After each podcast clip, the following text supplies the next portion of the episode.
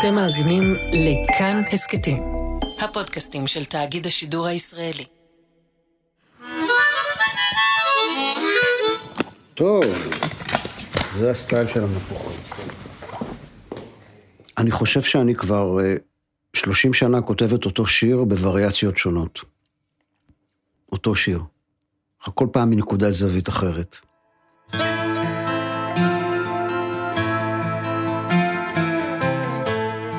אתם ואתן על שיר אחד, אני מאיה קוסובר, והפעם סיפור על אדם שיצא לחפש את עצמו.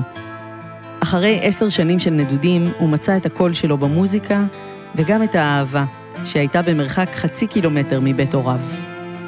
ואז הוא כתב על זה שיר.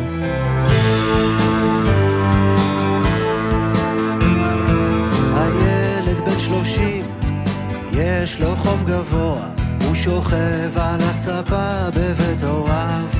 מהרינה של אהוד בנאי, סיפור בארבע מערכות.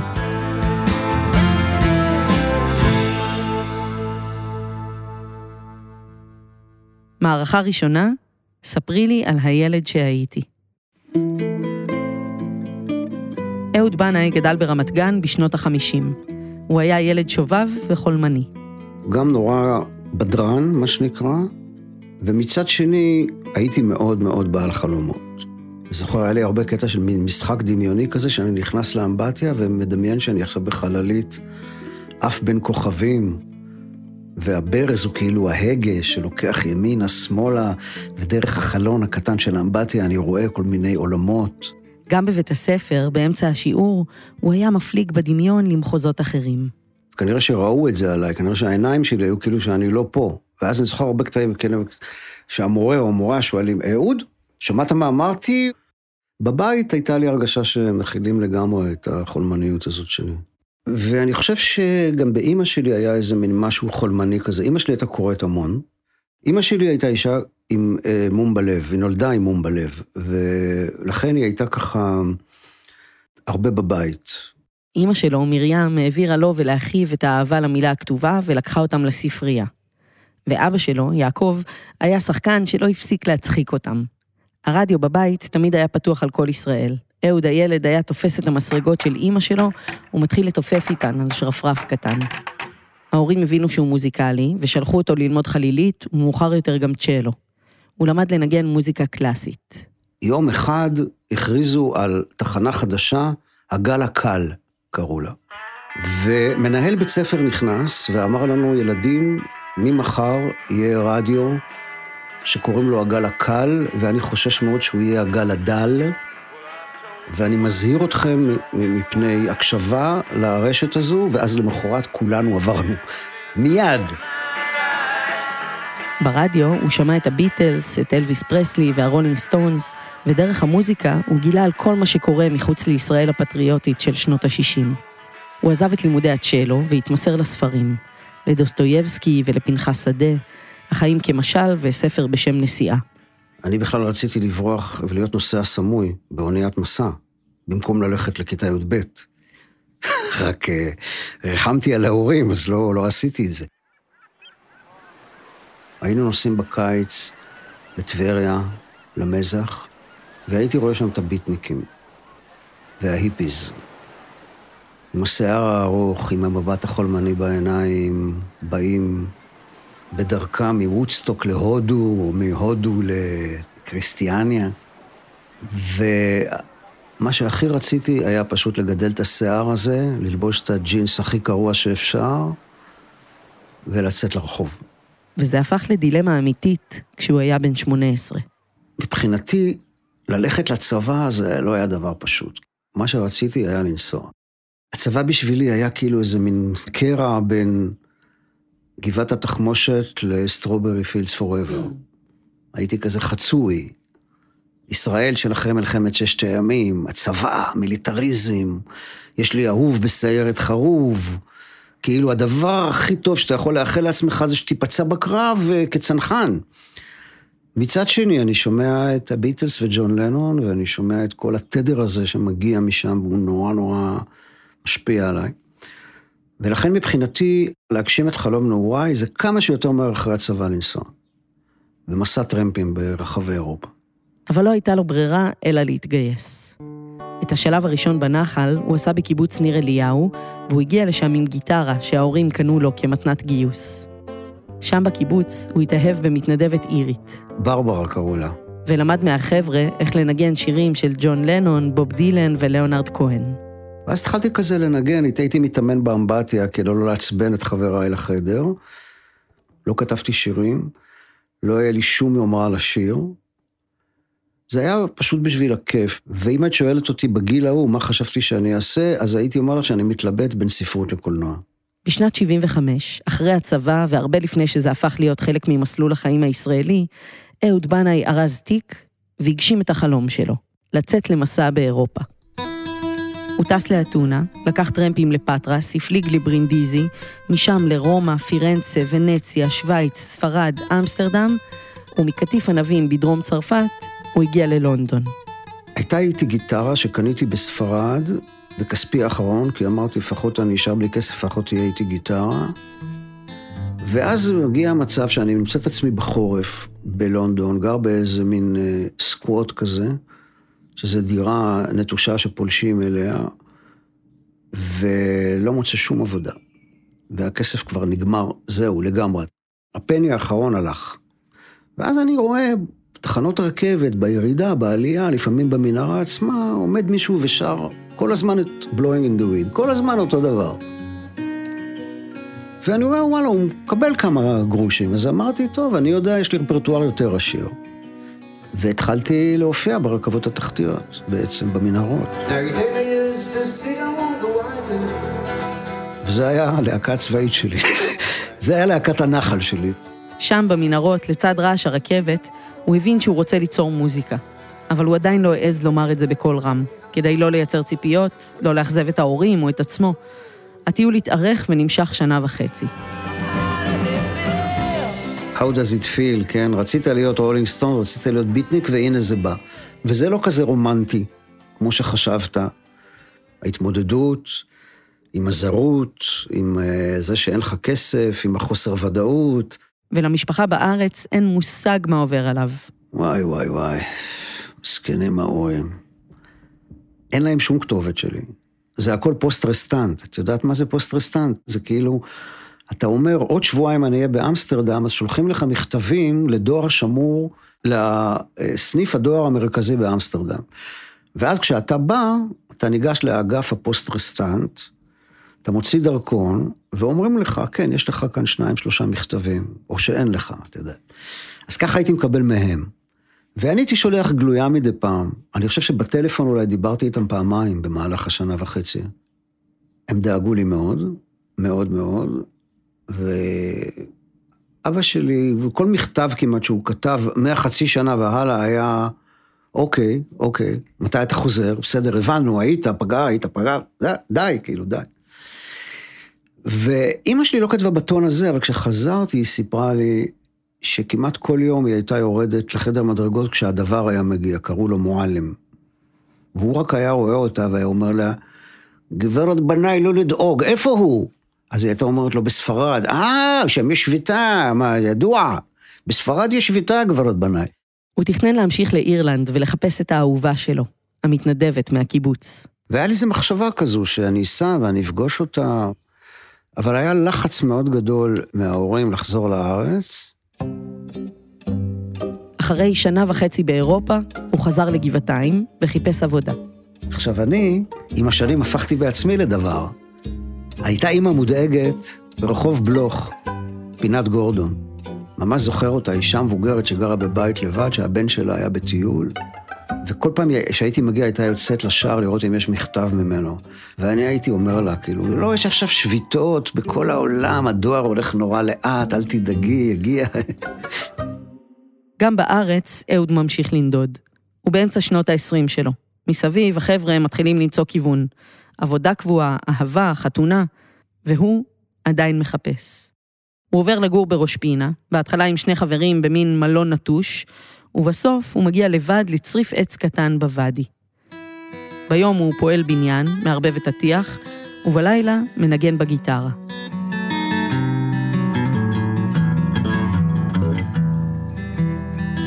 שאני ארגיש, פתאום אני קולט.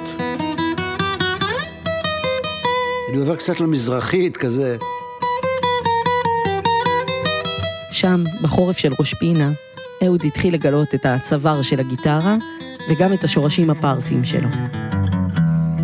ולאט לאט מתקבצים סביבנו אנשים, פתאום, פתאום יש קהל, כאילו. הוא כתב במחברות שלו וניגן, אבל אלו היו שני עולמות נפרדים. המוזיקה והמילים לא התחברו. ואז הגיע הקיץ של שנת 77. היה חם בצריף והוא היה בודד. הוא הפליג לכרתים לטיול של חודשיים. לפני שחזר לארץ, הוא קנה באתונה בכספו האחרון תקליט של דימיטריס מיטרופנוס, שנכנס לו ישר ללב.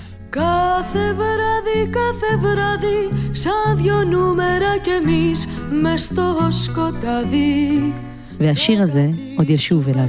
Στο ίδιο το σκαμπό Δεν μπορείς πια να διαλέξεις Χάσαν πια τη σημασία משם הוא חזר לראש פינה, עדיין בלי עבודה ובלי אהבה.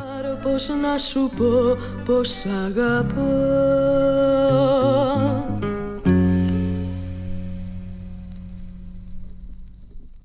מערכה שנייה, הילד בן 30.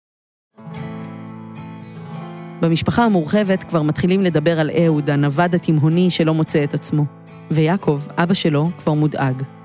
פעם הם באו לראש פינה, לבקר אותי, הפעם היחידה שהם הגיעו לראש פינה, ואבא שלי מסתכל במבט חשדני מסביב, כאילו כמעט הכנסת אותי עכשיו לקסבה של שכם, מה, מה קורה פה, מי זה, מה, כל המסטולים האלה, מה פה מסתכל.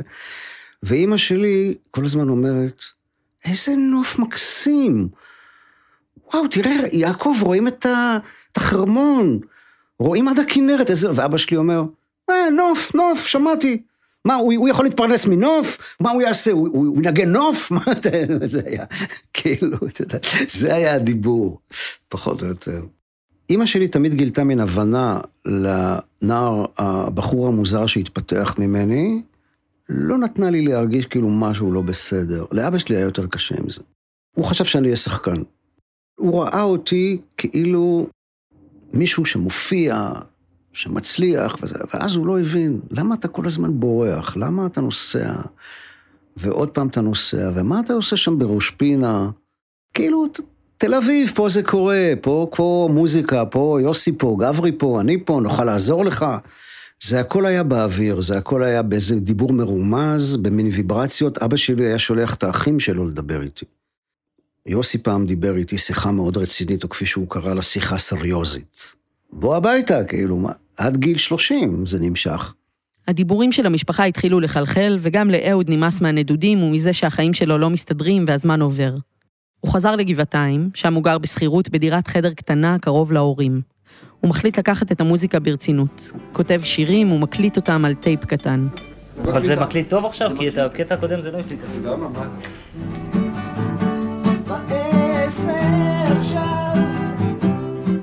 ובינתיים עובד כפועל במה של הגשש החיוור. יום אחד הוא הרגיש נורא לא טוב, ילד בן 30 עם חום גבוה, אז הוא הלך לבית של ההורים.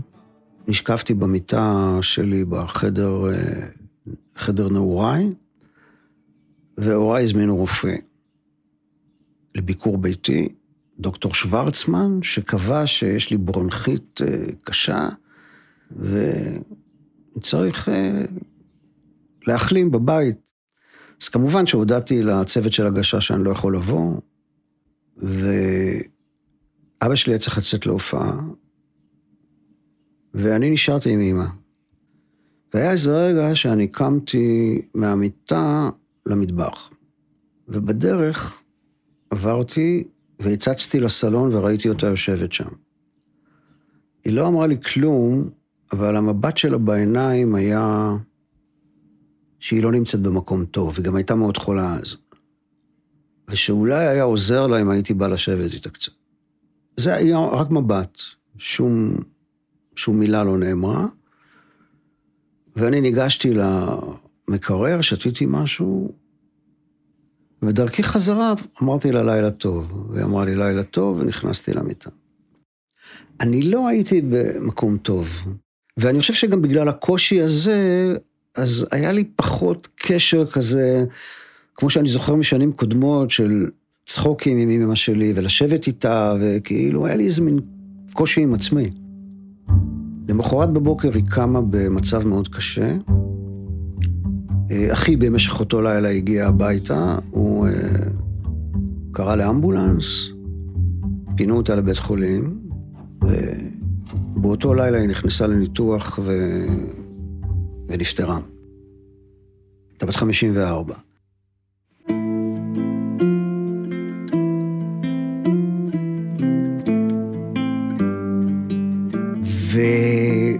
והלילה הזה חזר אליי בלי סוף. בלי סוף, בלי סוף, בלי סוף. למה לא ישבת איתה לפחות שתי דקות, שלוש דקות? ראית בעיניים שלה את המבט הזה. והיה איזו מין תחושה של, אפשר להגיד גם אשמה, אבל גם איזו תחושת החמצה אה, מאוד גדולה.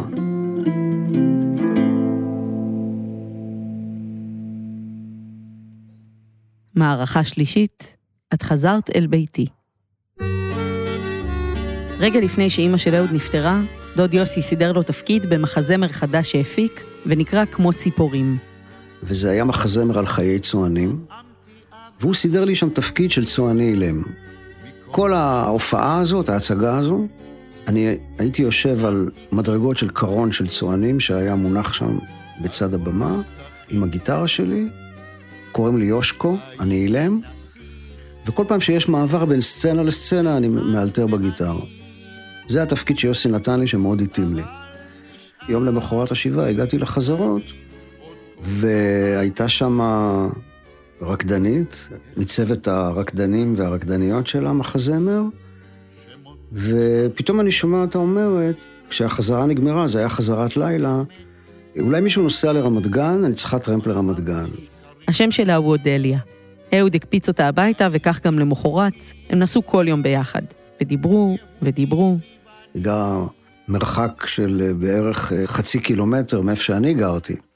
ואני כל החיים חיפשתי אותה באירלנד ובסקוטלנד ובאיי יוון, כן?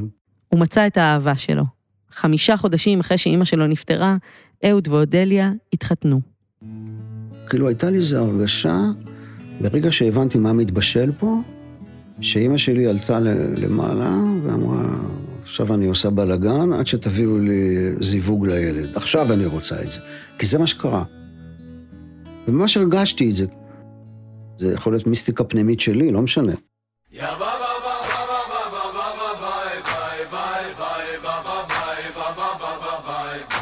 באותה שנה, 82, אהוד גם נכנס סוף סוף לאולפן הקלטות. הוא הוציא סינגל ראשון לרדיו.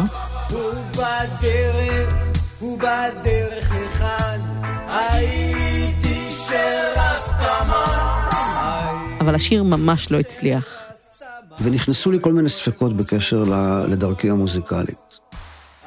אמרתי לעצמי, תשמע, אולי, אולי זה לא זה, אולי אתה צריך לחשוב על אופציה אחרת. אז הוא חזר לחלום הישן שלו. להיות סופר, לכתוב ספר. התחלתי לכתוב ספר, שלא כתבתי אותו בלשון אני, כאילו זה היה סיפור על מישהו בשם שמואל. וכשהייתי כותב, כתבתי כמובן, זה היה טרום המחשב, בכתב יד, במחברת, הרבה פעמים הייתה מוזיקה מתנגנת ברקע, ואיזה יום התנגן שם תקליט שקניתי בדרכי מכרתים בחזרה לראש פינה. התקליט ההוא של דימיטריס מיטרופנוס, שקנה באתונה בכספו האחרון. והיה שם מין שיר ביוונית, שאם אני זוכר, הלך ככה. כתב רדי, כתב רדי, תינדוס תפנתיס. Κάθε βράδυ, κάθε βράδυ Δυο ανώνυμοι κι εμείς μες στο κοπαδί זה הקול של הזמרת רנה פנדה שהתארחה בתקליט. ואני פתאום מפסיק לכתוב את הפרוזה שעבדתי עליה, וכותב בשולי הדף, כאילו על המנגינה, מהרינה והניחי על ליבי תחבושת בטרם תשכיביני לישון. וספרי לי על הילד שהייתי, איך שמחתי על הגשם הראשון. זה יושב פיקס על המנגינה היוונית.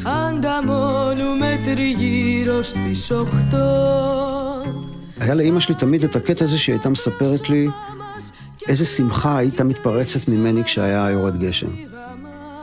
הייתי מתחיל לצעוק, היורה, היורה, והייתי כאילו ממש נכנס לאיזה מין היי כזה מהגשם, ותמיד מבקש אה, שאני אוכל לצאת עם מטריה החוצה. אהוד נתקע עם הספר, כי הוא הבין שהוא לא מסוגל לכתוב על איזו דמות בגוף שלישי. השורות האלו נשארו בצד הדף, והמחברת נסגרה ונכנסה למגירה. בשנת 84 נולדה בתו הבכורה, ואחרי הלידה, אודליה אשתו אמרה לו, מרים, נכון? אנחנו קוראים לה מרים. הבת שלהם קיבלה את השם של אימא של אהוד, של הסבתא שלא הכירה. וברגע שאני קורא בשמך לביתי, פתאום יש איזו תחושה של אה, פיוס איתה.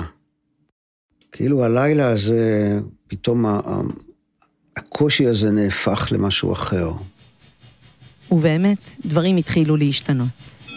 בשנת 85, יובל בנאי, בן דוד של אהוד, ביקש ממנו לעזור עם מילים לשיר חדש של משינה.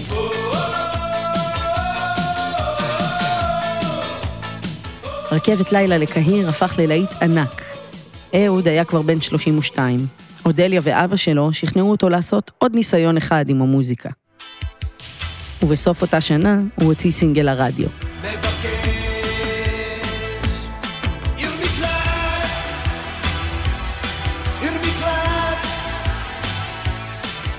ומשם זה מתחיל לקרות.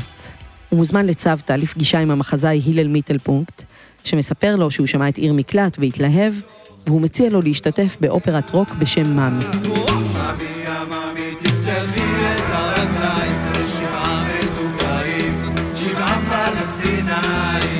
ושנה אחר כך, ב-87, יוצא האלבום הראשון שלו, אהוד בנאי והפליטים. אתה לא מרגיש מוזר,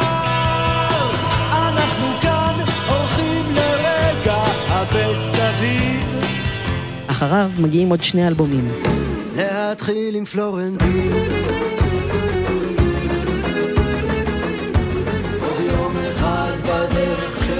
לצידי, איך זה נגמר, בסוף כולם יודעים, כן, כולם יודעים. אחרי כל השנים והנדודים, החלום לעסוק במוזיקה התגשם. ואבא שלי, שתמיד נורא דאג מה יהיה עם הילד, עם הנער, זכה לראות אותי מגיע לאן שהגעתי.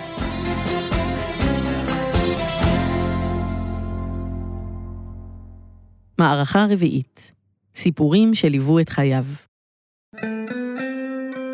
בשנת 94 אהוד התחיל לאסוף חומרים לאלבום חדש. אני מתחיל לחשוב על שירים, והולך, אני עושה את זה פעם בכמה זמן, הולך למחברות הכי הכי ישנות שיש לי, כי אני אף פעם לא זורק מחברות, ומדפדף, מדפדף. ואז הוא נתקל במחברת שניסה לכתוב בה את הספר עשר שנים קודם לכן. הוא קרא בה והגיע לעמוד שבצידו אותן ארבע שורות שכתב על אימא שלו. מהרינה והניחי על ליבי תחבושת בטרם תשכיביני לישון. וספרי לי על הילד שהייתי, איך שמחתי על הגשם הראשון. ישר שלפתי את זה משם, ואז נכתבו הבתים בעצם. הילד בן 30, יש לו חום גבוה, הוא מובטל מעבודה ואהבה. כן, הוא בן 30, אבל עדיין לא יודע מה יעשה כשיגמור את הצבא. אמא באה ואומרת, בוא קצת לסלון. הוא מתעצבן ואומר, לא, לא עכשיו. מסתכל על מדף התקליטים הישנים, השירים שליוו את חייו. את עכשיו כמו כוכב, מנצנץ במרחב. את חזרת אל ביתי, כן עכשיו את איתי. אני קורא בשמך לביתי. היה לי בהשראת הזמר היווני הזה, את המאמינה והניחי על ליבי תחבושת, בטרם תשכיביני לישון. מהרינה והניחי על זה כאילו כתב רני, זה היה לי נורא היווני הזה, כן. וגם באיזשהו מקום המלודיה, סביב אקורדים מאוד פשוטים, כאילו, כי הרגשתי שאם כבר אני עושה מעין שיר עם, אז להישאר באזור הזה. הילד בן שלושים, יש לו חום גבוה, הוא שוכב על הספה בבית הוריו. להעביר את הסיפור במינימליות הכי אפשרית של, של מעגל אקורדים ולחן. כן שמרתי את המקצב הזה של חמישה רבעים.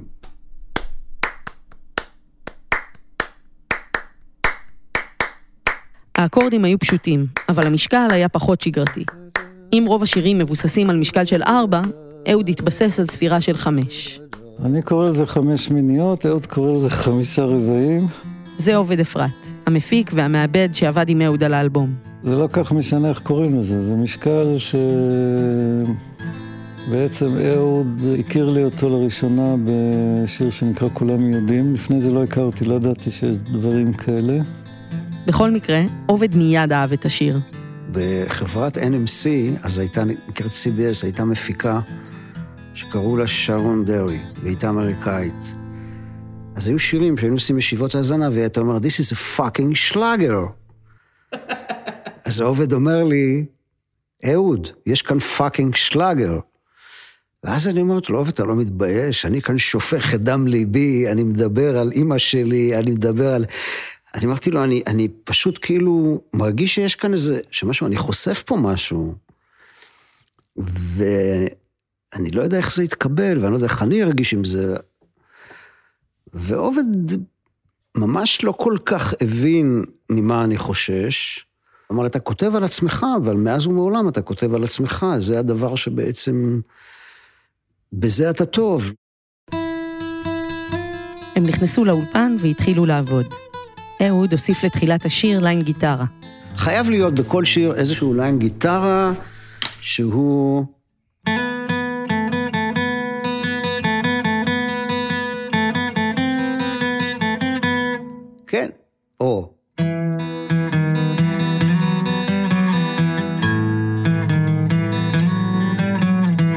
של מערינה כבר ניגנתי לך, אבל אני אומר בכל שיר.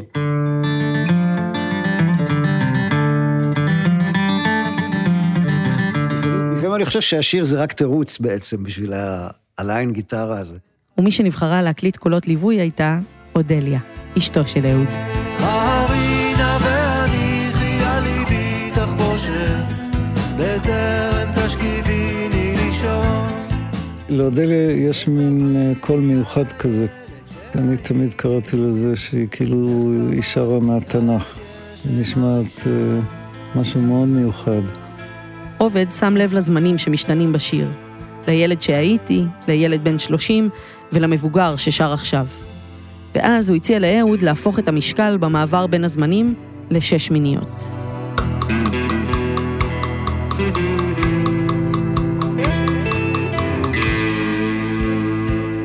המשקל חוזר לחמש מיניות.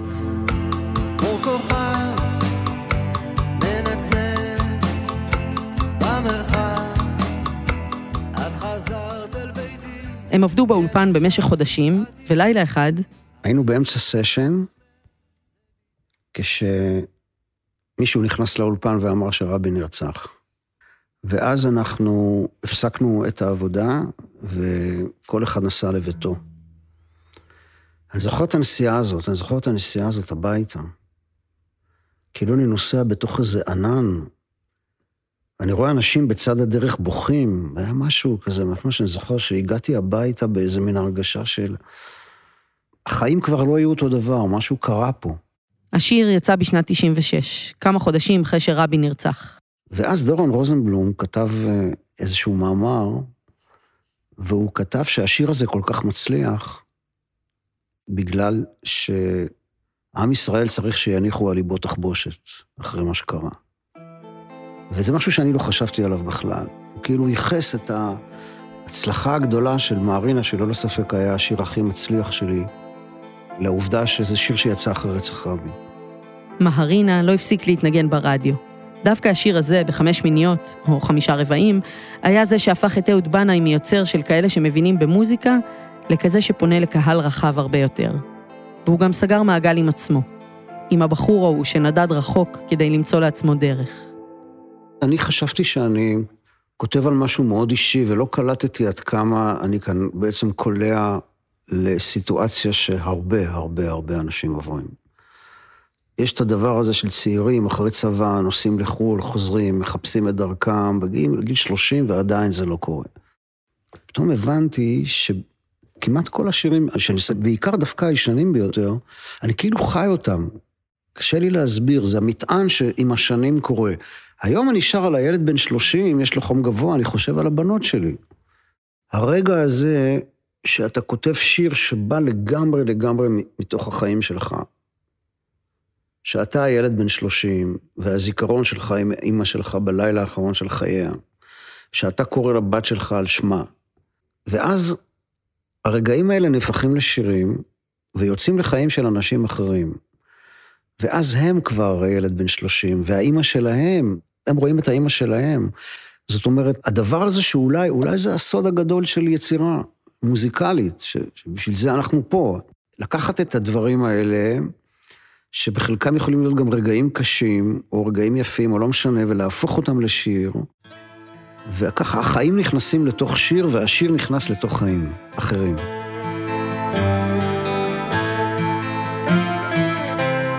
האזנתם והאזנתן לשיר אחד. אני מאיה קוסובר ואת הפרק הפקתי יחד עם רום אטיק. אסף רפפורט על עיצוב הסאונד והמיקס, מור סיוון על הפקת הקטעים המוזיקליים, תודה גם לנדב סיינוק. בצוות שיר אחד, ניר גורלי, אייל שינדלר ותומר מולביטזון. פרקים נוספים אפשר למצוא בכל אפליקציות הפודקאסטים ובאתר כאן. מוזמנות ומוזמנים להצטרף לקבוצת כאן הסכתים בפייסבוק. תודה שהאזנתם והאזנתם.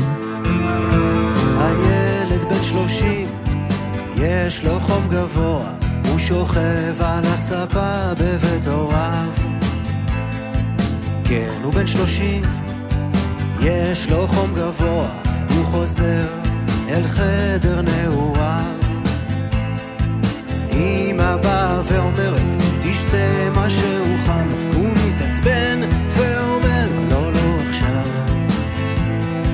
מסתכל על ארון הספרים הישנים, סיפורים שליוו את חייו. מרינה והניחי על ליבי תחבושת, בטרם תשכיביני לישון. וספרי לי על הילד שהייתי, איך שמחתי על הגשם הראשון.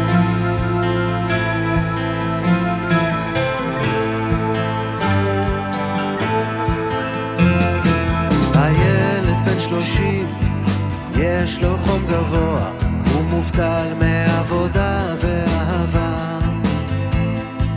כן, הוא בן שלושים, אבל עדיין לא יודע מה יעשה כשיגמור את הצבא.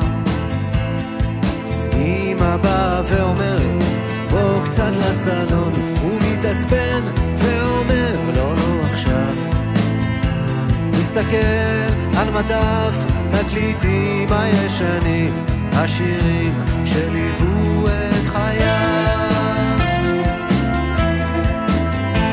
מרינה והניחי על ליבי תחבושת, בטרם תשכיביני לישון. וספרי לי על הילד שהייתי, איך שמחתי על הגשם הראשון.